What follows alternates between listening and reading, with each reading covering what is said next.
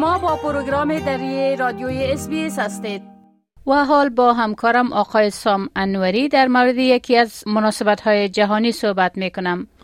خب آقای سام انوری امروز روز جهانی رادیو است. این روز چی وقت نامگذاری شد؟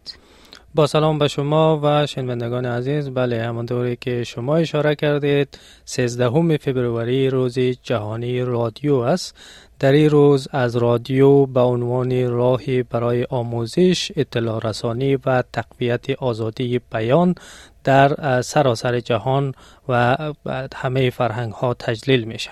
سازمان آموزشی علمی و فرهنگی سازمان ملل متحد یا یونسکو در سال 2011 در 36 نشست عمومی خود روز 13 فوریه را به عنوان روز جهانی رادیو اعلام کرد و بعدش مجمع عمومی سازمان ملل متحد هم در 67 مین نشست عمومی خود در سال 2012 این پیشنهاد را تصویب کرد و 13 فوریه سالگرد تأسیس رادیوی ملل متحد در سال 1946 بود. تیمی روز جهانی یا موضوع روز جهانی رادیو در سال 2024 یک قرن اطلاع رسانی، سرگرمی و آموزش انتخاب شده به گفته یونسکو روز جهانی رادیو فرصتی برای بزرگداشت رادیو به عنوان یک رسانه است فرصتی برای تقویت ارتقای همکاری بین رسانه های رادیویی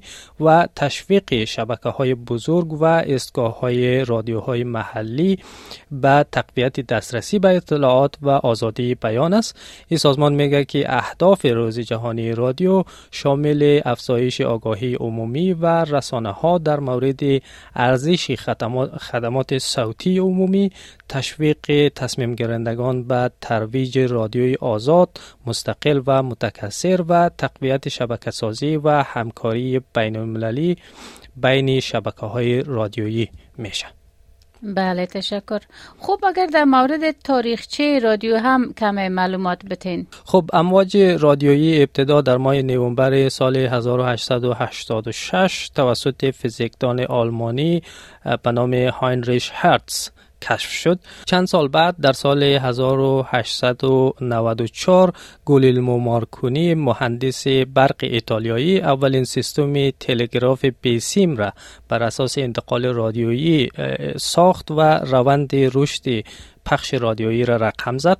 در سال 1920 اولین اسگاه رادیویی در پیتسبورگ واقع در ایالت پنسیلوانیای آمریکا به عنوان اولین شبکه پخش تجارتی با مجوز رسمی نشرات خود را با اعلام نتایج انتخابات ریاست جمهوری آن کشور آغاز کرد.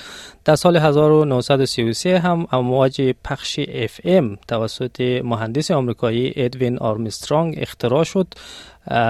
و از او زمان در سراسر جهان برای ارائه صدای با کیفیت بالاتر مورد استفاده قرار گرفت و در سالهای اخیر همانطوری که می‌دانیم روش استفاده از صوت و رادیو پا به پای تغییرات در دنیای تکنولوژی تغییر کرده و ما اکنون رادیو را به صورت آنلاین در تبلت ها و تلفن های همراه خود گوش میدیم.